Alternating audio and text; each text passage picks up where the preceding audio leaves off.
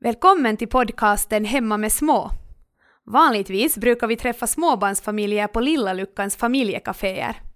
För att också kunna nå er i era vardagsrum spelar vi in en podcast där vi bjuder in intressanta gäster för att diskutera frågor som berör föräldraskap och hur det är att vara hemma med små barn.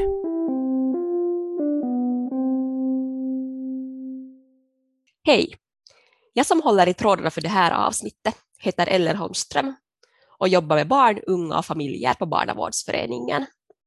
På tisdagar brukar man vanligtvis hitta mig på vårt öppna daghem Familjeluckan. Och med mig idag har jag Marina Nygård från Martaförbundet. Du får gärna presentera dig själv. Hej allihopa! Jag heter alltså Marina. Jag jobbar på Martaförbundet som ekonomirådgivare och jag jobbar med olika målgrupper, bland annat eh, barnfamiljer och jag tycker att det är jätteviktigt och uh, roligt att prata om pengar. Så det ska, vara, det ska bli kul att vara här idag. Ja, och det är just det vi ska göra nu, prata lite om pengar och, och familjens ekonomi som är, är dagens tema. Så är det.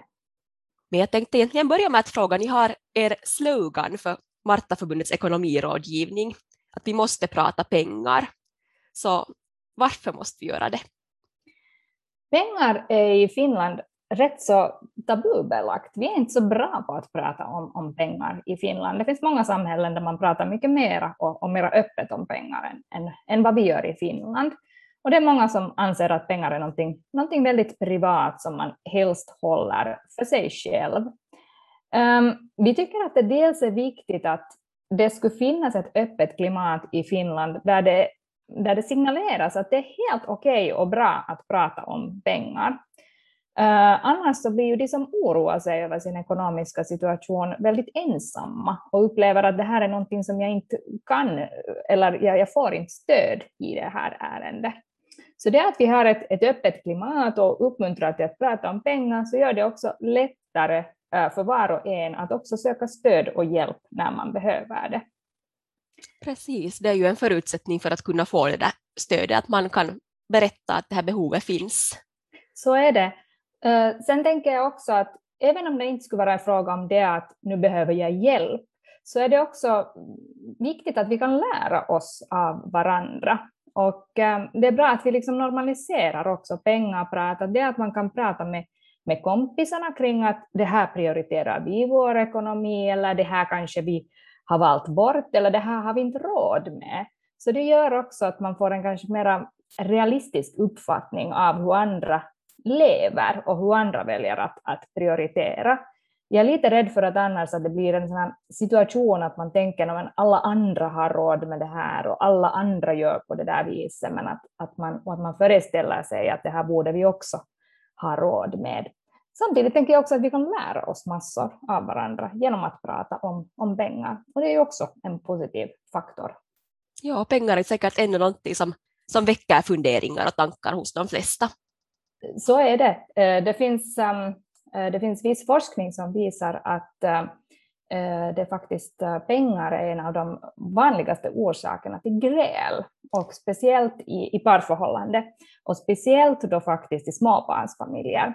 När man har frågat småbarnsfamiljer att vad, man, vad man grälar om ehm, föräldrarna emellan så har då pengar kommit upp som en av de här vanligaste.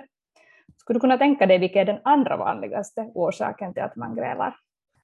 Hmm, jag funderar om man har barn i familjen mm. så kan säkert föräldraskapet också vara en, en grej. Mm. Det, ja, kanske lite nog relaterat till det, men det var faktiskt hushållsarbete Just det, som har ja. varit den andra viktigaste. Men jag kan tänka mig att, att, lite det här att det finns barn i familjen också, så det där leder till att man också äh, lite, lite det där ibland kanske grälar kring att vem, vems tur är det att, att föra ut soporna och tömma diskmaskinen. Mm. Det kanske också är en konsekvens av det. Men ja, pengar och hushållsarbete.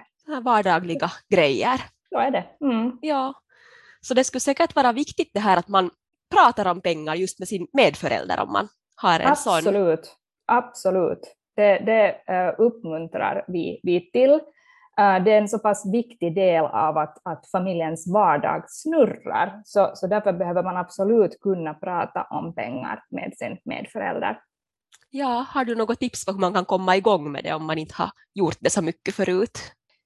Jag var lite inne på det här med att gräla om soporna och att diskmaskinen ska tömmas. Och, så jag tänker att i, i, i, första hand skulle det vara bra att man, man faktiskt prioriterar den här diskussionen om ekonomi. Eh, det blir nämligen lätt så att man kanske börjar slänga ur sig någonting om, om pengar, eh, att vems tur är det nu att betala försäkringen eller hur mycket pengar har vi nu på konto, är de där räkningarna tagit hand, har, de, har någon tagit hand om de här räkningarna eller inte. Det blir kanske lätt att vi, vi, vi liksom tar den här diskussionen som inte egentligen är en diskussion, utan det handlar ju mer om att hur, hur snurrar vardagen. Men att vi tar den vid helt fel tillfälle. Det vill säga när barnen är hungriga och föräldrarna är trötta och man redan är lite stressad. Då, då kan det inte bli en, en riktigt trevlig diskussion. Utan jag skulle istället rekommendera att man faktiskt prioriterar en ordentlig pengadiskussion och låter den ta den tid den behöver och förtjänar.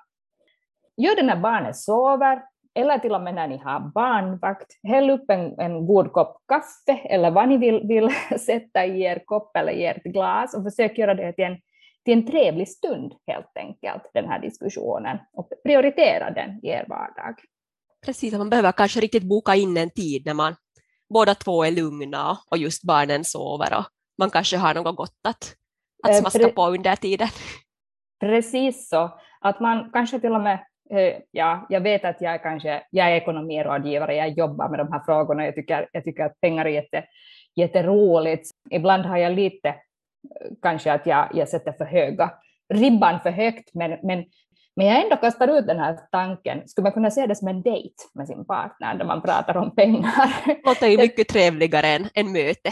Ja, det låter, i alla fall trevligare. det låter i alla fall trevligare än ett möte. Ja. Mm. Så se det som en dejtsituation istället. För att det här att man ser, ut, ser över sin ekonomi, det är ju också ett tillfälle att, att, att diskutera att hurdana drömmar har vi i vår familj. Mm. Vi kanske drömmer om att, att åka på en längre semester om, om något år, om att köpa en sommarstuga, om att byta till en, till, en, till en bostad som vi drömmer om. Och det här är något som också kräver att vi har ekonomin i skick och en ekonomi som ger förutsättningar för det. Så det här är också ett tillfälle till att faktiskt diskutera att, att vad drömmer vi om och, och hur kan vi se till att det här faktiskt också ska hända i vårt förhållande. Precis, ja det låter ju som att det skulle kunna bli en riktigt trevlig diskussion. Precis, lite, lite kanske kan man sätta upp lite målbilder, den här, det här är stugan mm. som vi drömmer om att köpa och det betyder att sen måste vi spara så här mycket. Nå, det här är förstås, de här drömmarna, det är det, det, är det här riktigt liksom, eh, det är det här mest roliga att ta upp på den här diskussionen, men, men det finns förstås mycket annat också som man ska diskutera med sin medförälder. Ja, vad är ehm, sånt som lönar sig att diskutera? No det, jag skulle rekommendera att man riktigt börjar ta liksom papper och penna och börja skriva upp att vad allt behöver vi gå igenom. Uh, vad är det som fungerar i er ekonomi? Vad är det som inte fungerar, om det finns någonting sånt? Hur har ni lagt upp det praktiska? Vem betalar era räkningar? I vems äh, namn är kontona? Har ni en budget? Håller ni er till den? Vad är det som ni vill prioritera i er budget? Och, och vad är sånt som ni istället kan välja att avstå ifrån? Ska vi ha egna pengar? Eller har vi gemensamma pengar med vår medförälder? Eller har vi kanske en delad ekonomi, där en del av, av de här pengarna är liksom egna pengar och en del är sådana som vi ser som gemensamma pengar.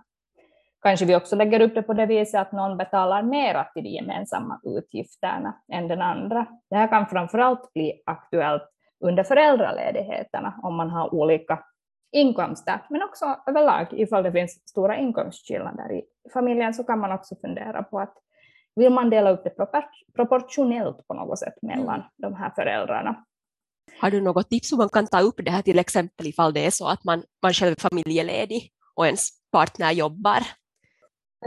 Något viktigast tänker jag då att man liksom diskuterar så att det är liksom rättvist för båda två.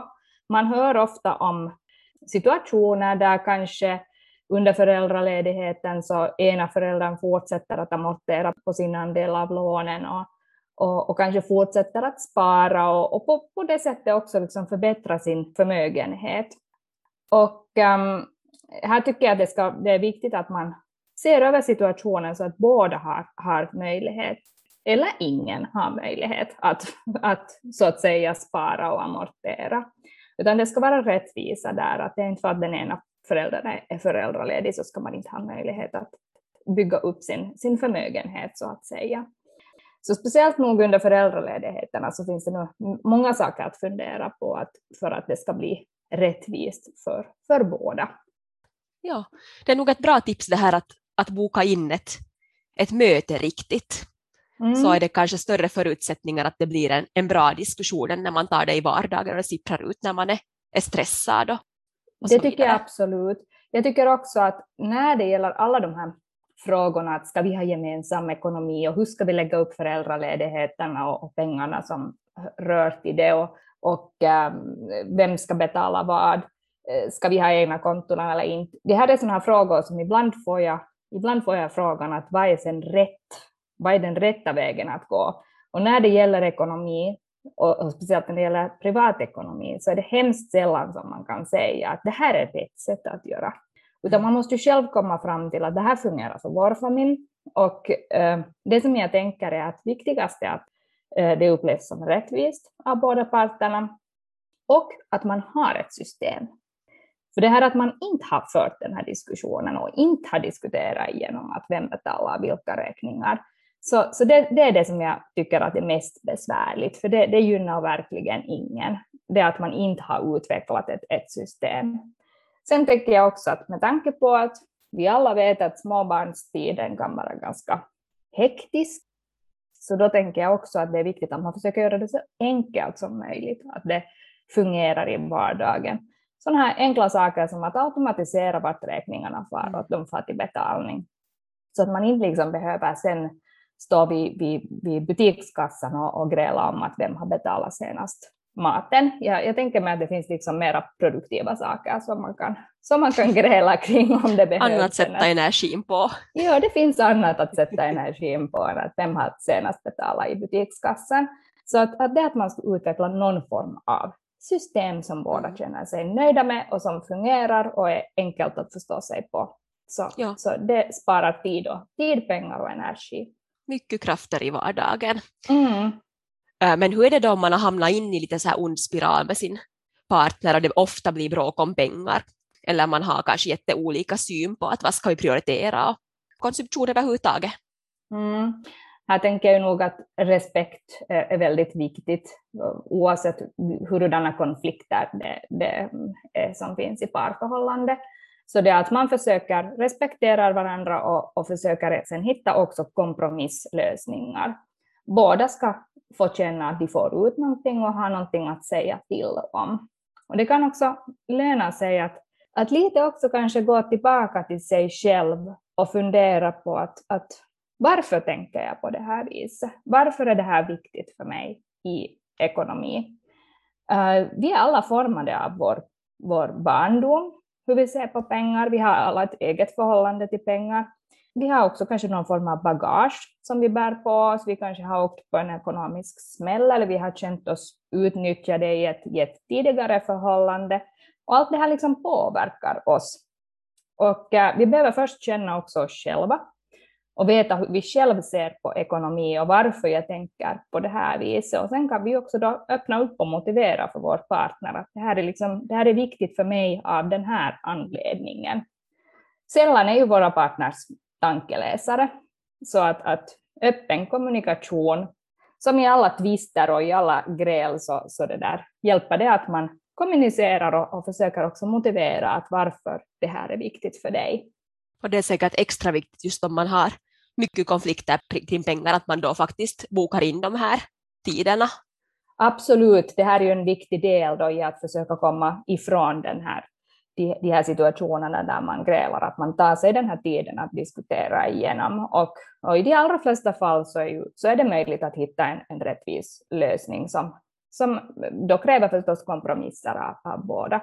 Sen är det ändå viktigt att eh, också komma ihåg att det förekommer också ekonomiskt våld i relationer. Och det är viktigt att här skilja på att det att vi kanske har lite olika syn på hur vi vill konsumera och hur vi vill, hur vi vill använda våra pengar och på de här situationerna där vi faktiskt är kontrollerade av vår partner. Eh, det här med ekonomiskt våld, så det är ett ganska nytt koncept egentligen. Eller det är inte ett nytt koncept, men det är nytt att man, man faktiskt pratar om det som att det skulle vara våld. Men, men det går ut på att den ena partnern kanske förnedrar dig ekonomiskt, får dig att tro att du, du skulle aldrig kunna klara dig ekonomiskt utan den här partnern, du kan inte lämna mig, för du klarar dig inte på egen hand. Kanske partnern kontrollerar dina pengar eller begränsar dina möjligheter att få, få inkomster. Det här ska vi klart och tydligt särskilja från de här grälsituationerna där vi har olika prioriteringar ja. och det här, det här kan inte accepteras. Och, och jag uppmanar förstås till att söka stöd om man befinner sig i den här situationen. Ja, var kan man söka stöd? Det kanske inte räcker mera med de här familjemötena i en sån situation. Det är ju absolut en bra början, men, men det finns ju specialiserade sakkunniga som, som jobbar just med de här frågorna. Eh, till exempel finns eh, Naistenlinjen och Kvinnolinjen så, så är väldigt duktiga på just den här frågan. De har en, en telefontjänst dit man kan ringa och, och, och, och, börja nysta upp det i den ändan. Bra att veta. Och viktigt att särskilja just mellan det här att meningsskiljaktigheter och sen när det faktiskt går över i så här kontrollbehov. Ja, precis så är det. Ja, jag tänkte ännu backa tillbaka till det här med, med familjeledighet när den ena, eller överhuvudtaget när det är olika ekonomiska situationer. Så har du några så här bra, bra modeller för hur man kan, kan bygga upp ekonomin i en, i en familj med den situationen?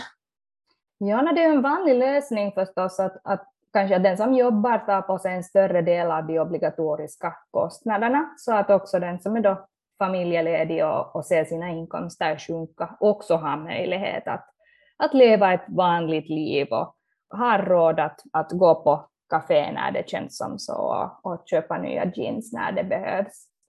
Uh, så det är ju en, en ganska sån här vanlig lösning nog. Och ofta brukar man söka lösningar så att till exempel båda då har, har lika stora möjligheter att spara och amortera på, på lånen som jag redan lite här var inne på, men det tål att, det tål att upprepas, det är så pass viktigt.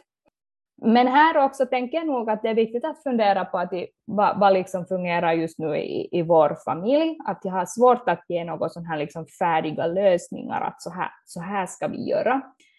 Eh, men det som jag lite ännu skulle vilja ta upp är också den här pensionen det att när vi är familjelediga så påverkar det också hur vår kommande pension kommer att se ut. Och um, vi vet att det är i första hand kvinnor som är familjelediga. Det är tydligt i statistiken att det är mera kvinnor som tar ut familjeledigheterna. Uh, ehm, nu för tiden så tjänar man också in rätt så bra med pension när man är föräldraledig. Däremot så, så sjunker det radikalt när man är vårdledig. Så det är i första hand den här vårdledigheten där man ska fundera faktiskt på hur, hur det påverkar ens pension. Och det kan man kolla in till exempel, det finns en kalkylator som man kan använda på arbetspension.fi. Där finns en, riktigt bra räknare som berättar att just enligt din inkomstnivå, att hur påverkar det här din pension. Överlag, vi tjänar in pension när vi jobbar, när vi får in lön och när vi är föräldralediga. Vi får också nog in lite pension när vi är vårdlediga, men det räknas på en summa som är 757 euro i månaden. Så det är som att du skulle gå på jobb och få en lön på 757 euro, endast så mycket får du in i pension. Eh, och det här blir nog en, en betydande summa.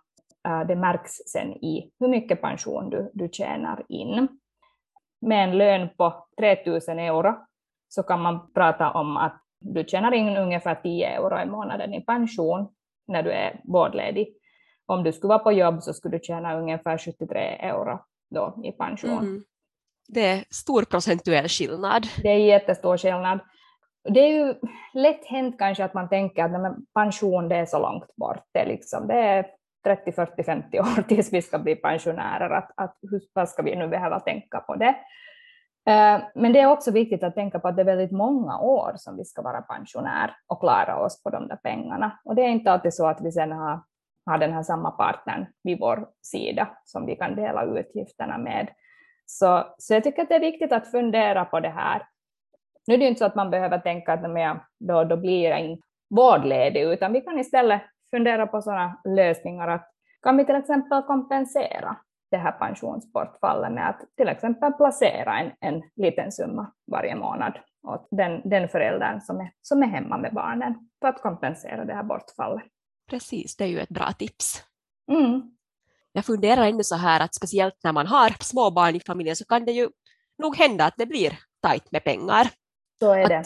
Har du något tips hur man kan få pengarna att räcka till helt i, i vardagen? Ja, eh, här lönar det sig att titta på, på kanske det som faktiskt kostar mest i vår vardag i första hand.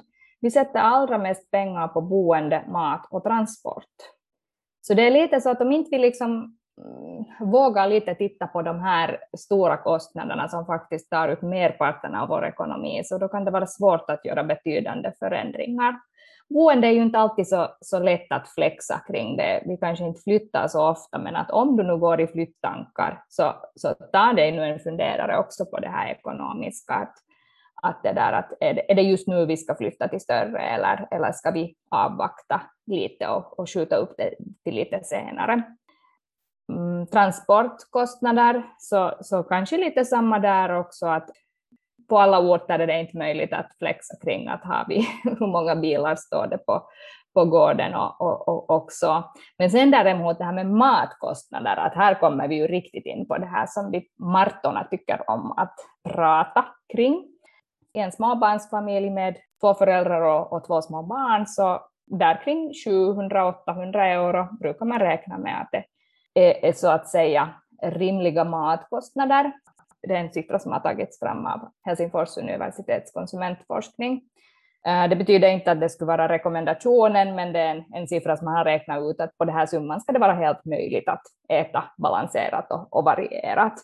Hur uppnår man den siffran? Men jag tänker nog här att, att planering och hemlagat är ju nog A och O. Det är att man orkar ta sig tiden att skriva listor och inte gå för ofta till butiken, planera att vad ska familjen äta den här veckan. Kanske också att man helt tänker konkret att kan jag, kan jag göra lite förmånligare rätter just nu, kan jag göra vanliga rätter lite mer förmånliga och kanske till och med också lite mer näringsrika. Att prova på att riva ner någon, nu, blir jag riktigt konkret här, men prova på att, på att det där riv ner någon morot i, i makaronilådan, då får du in mera grönsaker i maten. Också kanske lite sådär att inte barnen märker av det ens. Och, och det där, samtidigt så får du några portioner mer mat och, och, och till en lägre kostnad eftersom Mm. rotfrukter har ett lägre kilopris än, än vad, vad det där köttet har.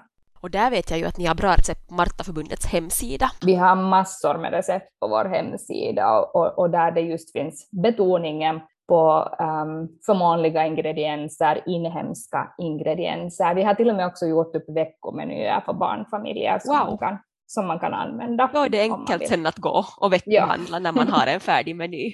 Precis, ja. Sen kan man ju också fundera kring att faktiskt göra den här egna maten. Det här gäller också äh, mat åt spädbarn, åt mindre barn. Äh, att äh, det att man gör sin egen mat och kokar någon potatis och, och, och sätter i lite fisk eller kött eller kyckling eller vad man nu väljer att sätta med. Så, så här generellt sett kan man säga att ungefär, hälft, ungefär dubbelt så mycket billigare än att köpa Mm. burkmat till barnen. Och, och samtidigt så, så vet du också vad, vad barnet får i sig och påverkar själv innehållet. Ja, om man gör en stor sats åt gången så kanske det inte heller tar så jättemycket tid från vardagen. Absolut, absolut. Fyll frysen, utnyttja den så, så mycket som du bara kan och gör massproduktion av mat, både liksom till, till de vuxna och till, till barnen. Så behöver vi kanske inte heller stå i köket hela tiden, utan, Mm. utan sparar också tid på det viset. Tid och pengar, det, det är bra det. Mm. Det, det tycker vi om. Ja. Jag funderar, finns det några sådana här pengaslukare i vardagen som är bra att, att se upp med? Någonting som lätt det går åt mycket pengar till. Men jag måste ju nu säga att det här med mat är nog faktiskt Ja. någonting som det, det, det finns oerhört stora variationer där, så att, att där kanske se över de här matkostnaderna och jämför lite hur andra gör sin mat. Om du märker att det är liksom oj, att jag sätter mycket mera pengar än andra, så försök kolla att vad är det som det går pengar till och, och finns det någonting där som du vill liksom påverka. Eh, sen så har vi också en massa avtal som vi har skrivit på. Vi har försäkringar, vi har el, vi har internet, vi har streamingtjänster, vi kanske har gym och uh, det ena och det andra, uh, telefonkostnader. Så de här så det är ju bra att gå igenom med jämna mellanrum, kolla att är de fortfarande rimliga. Skulle det finnas något billigare eller bättre på marknaden, det vill säga att vi konkurrensutsätter våra avtal. Och um, sen tänker jag också att, att mm, vardagen ska ju förstås få, få vara, ha också den där guldkanten. Vi ska ha möjlighet att kunna gå på, på kaféer och restauranger ibland. Och nu känns det här absurt att säga det i dessa tider, men, men i normala fall så ska vi ha möjlighet att mm. gå, på, gå också på, ut och träffa våra bekanta. Samtidigt som vi också kan fundera på att är det alltid det här kafé eller restaurangen vi ska gå till, eller kan vi också träffas i en, i en park och, och ha med oss termos och någon har bakat bullar. Det kan ju vara också att vi har kanske lite fått till och med kanske för mycket av det här nu de senaste, de senaste åren, men, men äh, det här är också någonting som vi kanske lite kan, kan fundera på. Mm. Samtidigt också det finns massa förmånliga hobbyn. Vi kan gå till biblioteket, vi kan gå till museum och det finns en massa olika saker som man kan göra med, med familjen som är väldigt, väldigt förmånligt också. Så det är ju inte på det viset att om vi vill spara pengar i, i vardagen så, så ska vi avstå från allt roligt. Definitivt inte. Vi kan hitta någon hälsosam balans och dels hitta sånt som är förmånligt och, och, och dels välja att vad prioriterar vi. Ja, och det tänker jag är en viktig grej det här, att, att inte spara på allting utan också kunna unna sig någonting i vardagen. Att fundera att, att vad är viktigt för oss. Exakt, så är det. Sen vill jag kanske också säga något ord om det här om kläder och prylar åt barnen, för, för det här märker jag ju nog att det är någonting som vi så väldigt gärna faktiskt vill sätta ganska mycket pengar på. Men här tänker jag ju nog att ifall vi vill spara pengar i vardagen så vad vi köper åt våra barn, så där finns ju nog möjlighet att, att påverka. Vi kan köpa begagnat, eh, vi, vi kan köpa enligt behov, vi kan köpa nedsatta produkter, vi kan, ehm, vi kan byta i bekantskapskretsen. Eh, och det här alltså kanske också framför allt om man har riktigt små barn. Jag vet att det känns roligt att gå och köpa de här pyttesmå babykläderna och välja ut exakt de här plaggen som du, du vill att din baby ska ha, men allting går ju att få begagnat. Mm. Sen kanske man kan gå och köpa det där enstaka plagget som det här har jag skaffat nytt, men, men eh, kanske också välja att köpa resten, resten begagnat så får man det bästa av, av båda världarna. Precis, de växer ju ur så fort de här kläderna. Absolut, absolut. Sen ju, ju större barnen blir så desto mindre finns det ju faktiskt att köpa begagnat. Men nu finns det också möjlighet att köpa begagnat också med större barn. Jag tänker kanske också här att komma ihåg nu att det är att hur mycket pengar man sätter på, på kläder och prylar åt barnen, så, så det, det har ju ingenting att göra med hur bra du är som förälder utan det är hur du är som förälder och hur du älskar ditt barn, så det, det mäts ju av helt andra faktorer än hur mycket prylar och, och hur mycket kläder de får. Och kanske istället till exempel ha en um, leksaksgrupp uh, med, med de som du har i, i, din när, i din närkrets som också har barn. Att ni kan till exempel cirkulera leksakerna, att barnen får låna av varandra.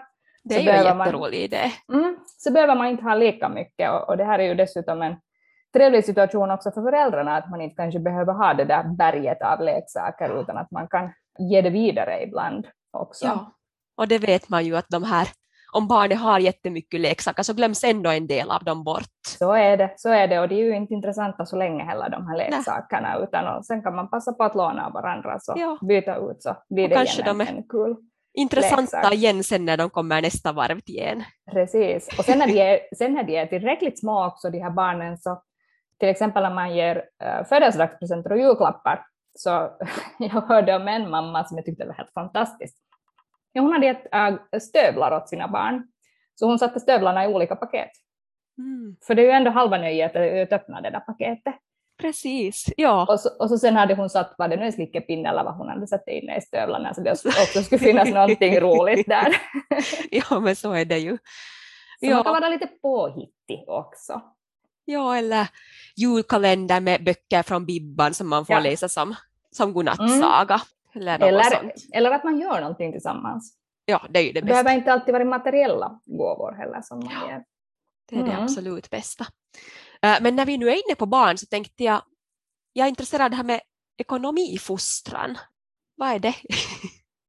det är att man lär barnen att, att resonera kring pengar, att man lär dem pengars värde och varför det är så viktigt i, i vårt samhälle.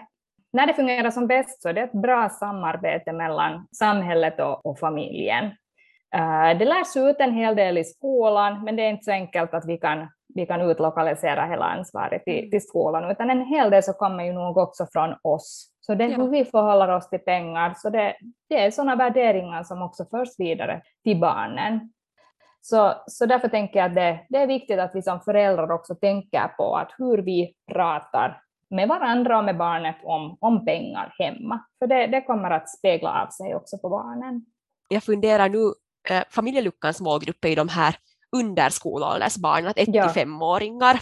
Kan man mm. börja den här ekonomifostran redan där? Det kan man jättebra göra. Ett bra sätt att implementera lite ekonomifostran är ju till exempel att eh, öva, öva sig på att, att se också fördelar med att vänta. Att man inte kan få allting genast, för, för så är det också i det verkliga livet som, som vuxna. Så det är att man kanske måste spara till någonting, eller att man vet att familjen måste spara till någonting, och, och, och, och sen till sommaren så kan vi åka tillsammans till, till Nådendal, eller vart vi nu ska, till Muminvärlden. Sen är ju också det här Äh, gamla välbeprövade att leka butik, då får man också den här, kanske den här kassaapparaten och, och det finns ju också olika spel och, och sånt som bygger just på att man leker butik och så kan man bygga upp, bygga upp den där lilla butiken där hemma i, i barnrummet. Så det är ju också ett jättebra sätt att, att öva sig på att hantera pengar och, och, och räkna och veta hur det går till i, i konsumtionssituationer. Och sen kan man också sådär, så småningom sådär lite börja kanske inkludera också barnen i mataffären. Att man där också gör val som berör pengar. Eh, där ska man förstås anpassa efter barnets egen nivå.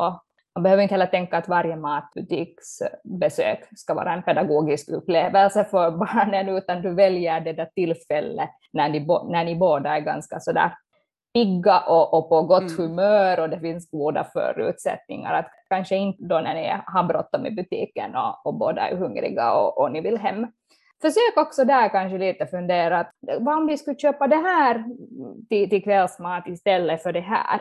Det här kostar mycket mindre, då kanske vi istället kan sätta lite mera pengar till vår Mumindalsresa. Mm, Hur skulle precis. det låta? Ja, och jag backar kanske ännu tillbaka till det här som vi började med när vi talade om att tala pengar med sin medförälder. Mm. Kanske också någonting, det stör ju inte om barnet hör en prata om det ibland. Absolut inte, såvida det är på liksom rätt nivå. Barnet ska ju inte behöva liksom oroa sig för familjens ekonomi och, och ta på sig för mycket ansvar. Men, men däremot det att man hör vardagliga diskussioner kring hur föräldrarna ser på ekonomi och vad man väljer att prioritera, så det är absolut ingen, ingen skada skedd, utan det, det, det uppmuntrar jag till. Mm. Säkert kan barnen lära sig av det också. Ja, så är det absolut.